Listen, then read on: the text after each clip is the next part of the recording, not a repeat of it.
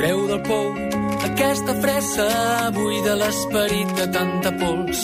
Sigues tu, no ho deixis perdre, mira l'hora i viu la vida a fons.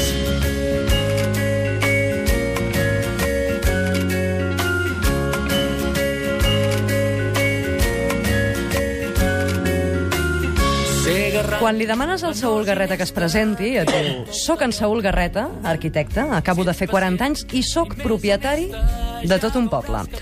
Fa 4 anys que en Saúl aboca tots els seus esforços humans i econòmics per fer reviure Solanell, un poble de l'Alt Urgell que al 1857 havia arribat a tenir 107 habitants.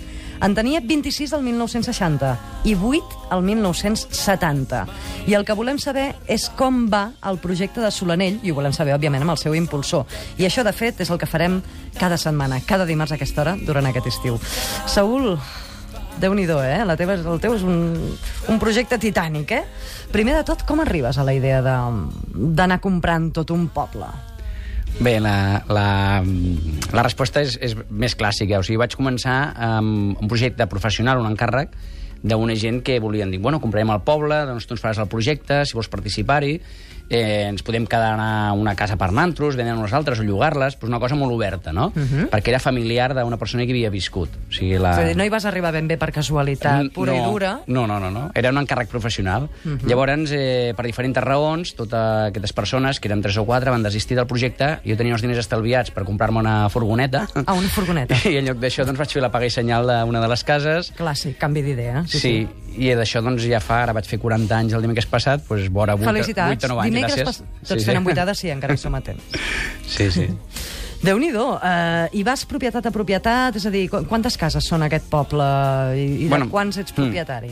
És difícil de- d'explicar. De, Soc propietari del 72%. I d'aquests 72 hi ha una part que és en permuta, amb, una, amb, una, amb la Flora i l'Eudal, que són nascuts allà a Solanell, i doncs jo, dins de la permuta, ja fer-los una casa amb ells...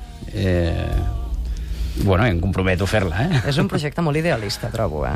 Sí, ja et dic, al començament jo he de reconèixer que bueno, una part d'idealista hi és, perquè si no ja no t'aboques amb això, no? no et gastes una quantitat així de diners, però s'ha anat tornant cada vegada més amb el, amb el temps, i gràcies a les, al que hem anat trobant pel camí, no? Que quasi bé tot ha sigut bo.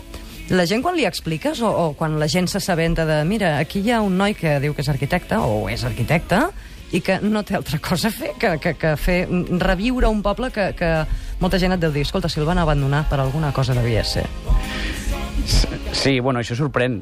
Per això t'ho dic, per això t'ho dic. Ja et dic que és una cosa que s'ha anat, eh, que que ha anat una mica sola. O sigui, jo no, no, no tenia la idea d'arribar fins, fins on he arribat, que, que tampoc us penseu que és, que és molt, no? Però no, per mi sí que ho és, perquè doncs, era un poble totalment abandonat, que no s'hi podia accedir... Home, amb 4 i anys la feina que has fet, Déu-n'hi-do, Déu-n'hi-do. sí, sí. Ara ens ho explicaràs. Mm, sorprèn, però ja et dic, vull dir, la il·lusió i l'empenta que et vas trobant amb la gent que et trobes pel camí i la i l'oportunitat fer quelcom diferent, doncs, doncs la veritat és que com més difícils s'han posat les coses a nivell social, Clar. més, més empenta hi ha hagut amb això. I... Sí, perquè els bancs... Eh, tu, Mm. tu has anat a explicar aquest projecte a algun banc? No, o sigui, tinc la idea de quan ho tingui una mica més amanit, eh, doncs, doncs anar-hi, segurament una part de finançament hi haurà d'haver, o subvencions, però no he anat a buscar res d'això. Sol amb, amb la llum, que hem portat la llum, hem tingut una subvenció important de la meitat de, dels diners que ha costat. Mhm. Això sí.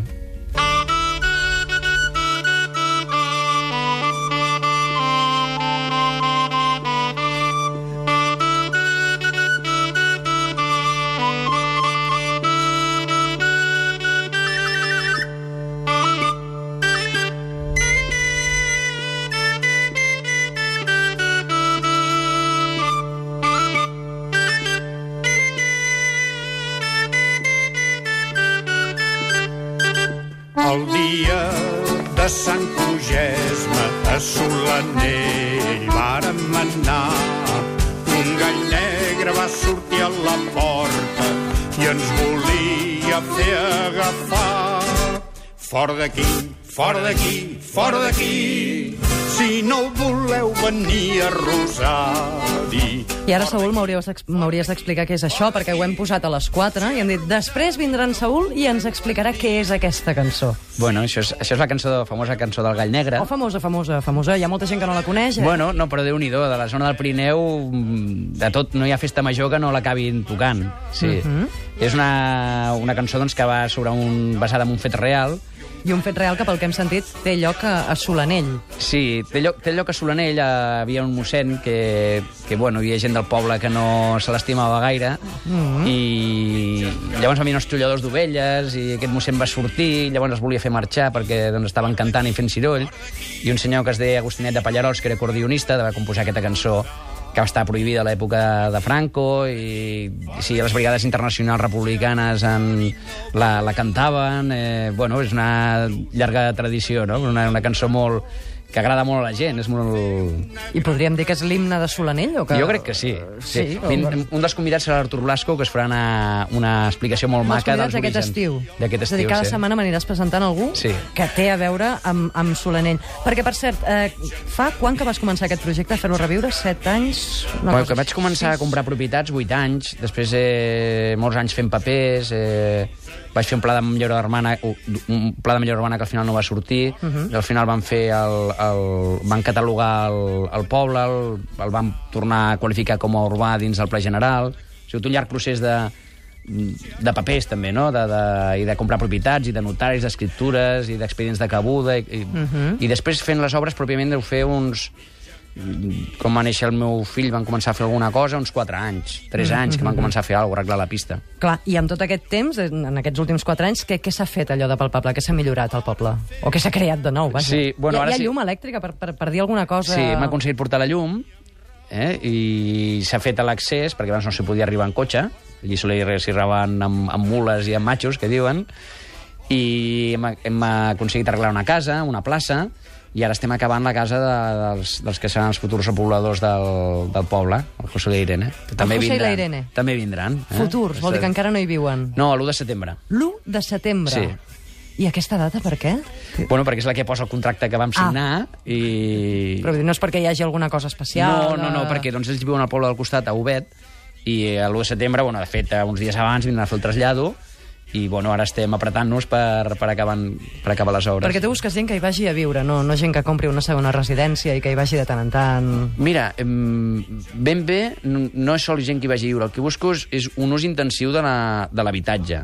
Que la gent pagui per lo que utilitza. Que no quedin... Espera't, ús intensiu de l'habitatge. Exacte. Tu ets arquitecte i aquests mm, termes els tens molt per la mà, però, però jo no. Que no hi hagi cases buides. Ara, molt bé. que hi hagi vida, no? El projecte també té aquest nom, no? Reviure Solanell. O sigui, el que busco és que hi hagi vida. Llavors eh, s'estan... Estic pensant en diferents fórmules, com això em podria funcionar. Un altre convidat ens explicarà quines poden ser aquestes fórmules. I, parlant de convidats, avui n'has portat una. De fet, ara ja coneixem el Saúl i el seu projecte de Solanell, que l'anirem desenvolupant cada setmana, ho anirem explicant. I eh, qui és aquesta noia que, que ha vingut amb tu? És la- l'Ester Nadal, directora de, de l'escena nacional d'Andorra. Hola, amb Ester. Un... Hola, què tal? Benvinguda. Moltes gràcies. Directora de l'escena nacional d'Andorra. I moltes més coses. I què té a veure això amb Solanell? A veure, expliqueu-m'ho. De fet, eh, començava a assajar un espectacle, Ovaga, que és un, una teatralització d'una d'una novel·la. Uh -huh. I vaig conèixer el projecte Son la Benell gràcies a Catalunya Ràdio. Estava a la cuina de casa i vaig sentir parlar d'un paio que havia comprat un El poble... paio és ell, no? Clar, però em va semblar... Vaig pensar que era l'oportunitat de conèixer el Quixot del segle XXI.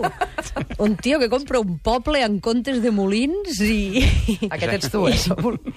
I um, de seguida li vaig escriure un, un correu... Bueno, a Molt través maco. del blog. Un A través del maquíssim. blog. Li vaig dir, t'acabo d'escoltar per Catalunya Ràdio, estem fent una obra de teatre a partir d'una novel·la del Pirineu que el decorat és exactament això que estàs explicant, Mhm. et semblarà una, una animalada, però només Quixot en podia entendre. Podem venir a fer l'espectacle... I ell es va resistir molt, no?, a dir-te que sí. I de, vam estar un parell de dies fent-nos trucades, allò, ara et truco, tu no hi ets, ara em truques... cosa que em va semblar molt més interessant. Encara més. Encara més interessant, Clar. cada vegada eren més interessants. Cada vegada els molins són més lluny i em costa més d'arribar. Sí, sí, sí. I per tant, tu ja hi has anat a Solanell i has... Primer vas parlar amb ell?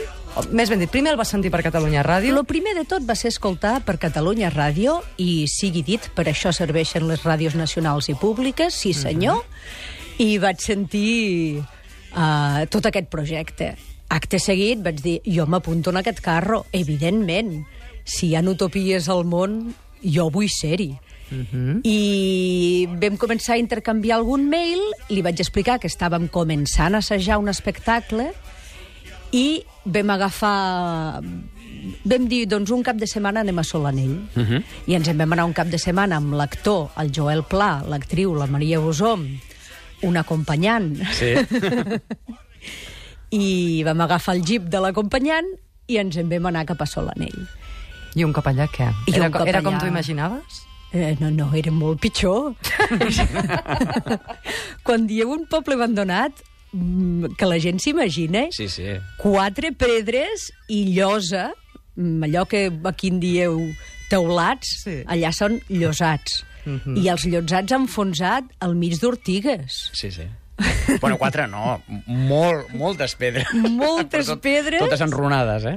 I aneu amb unes bones botes de caminar, sí. i, um, però clar, el que aguanta aquelles pedres és l'entusiasme. És que aquest senyor és, a més a més d'un idealista, és un generós, és una persona que no sé per què... T'estàs engreixant, eh, Saúl? Sí, sí, escolteu-me, entre, per una cosa i l'altra. Clar, ens va dir, eh, on vulgueu, podeu venir aquí a casa, i, i, i, i ja hi vam ser. Però quan I et diu podeu venir aquí a casa és una casa amb, amb, amb sostre, no? En, en aquest cas sí. És la Ja. seva, és la seva Perquè casa. tu hi aniràs a viure allà, també. No, no, no, jo... jo... Tu, tu, tu... Jo passar llargues temporades Enredes i tothom, a dinamitzar-ho, a enredes catalitzar tothom que hi totes vagi a viure, però tu no hi penses anar a viure? Bueno, o a veure, no, jo no descarto tampoc del tot, però jo tinc la meva feina a Tarragona, eh, encara que sembli impossible, encara portem un despatx d'arquitectura i urbanisme que anem fent el que podem. Impossible no, però molt difícil. I, esclar, depèn molta gent de mi ara. I la meva idea és tirar del carro el temps que pugui Mhm. i mantenir les dues coses. Pujar cada cap de setmana, les vacances i quan convingui. I qui sap, Mhm. potser al final munto el despatx d'arquitectura aquí dalt, no? I de fet, mentalment hi ets cada dia, no? Això sí. I gairebé les 24 hores. Sí, sí. Esther, i per tant, vosaltres teníeu entre mans els assajos d'una obra que es diu Vaga i, i, i vau anar-la a representar allà. A mesura que vam anar engrescant-nos amb, amb el Saúl, amb Solanell, l'espectacle s'ha estrenat aquí, a la nau Ivanov, l'espectacle està a punt per anar-se a fer els teatres que calgui, però ja de seguida vam tenir la idea que aquest espectacle el portàvem a Solanell. I per tant inventàvem una versió que en dèiem a cau d'orella que vol dir poder anar a fer l'espectacle on calgui encara que no hi hagi un foco, encara que no hi hagi un escenari. I vam anar eh, pensant l'espectacle, tots els assajos hi anaven amb, amb la idea d'anar a Solanell a representar l'espectacle. I, I va anar creixent junts, saps? Els assajos, de cara a estrenar-lo a la Seu d'Urgell, a, a la Nau Ivanov, i la versió per Solanell. I sempre vam viure amb... quan anem a Solanell, quan anem a Solanell, a partir del moment de posar els peus, o a partir de que la ràdio ens va posar el cuc aquest, Solanell ja va estar a les venes. Avui i cada dimarts, aquí al Nom Pots dir que no, farem una visita a Solanell.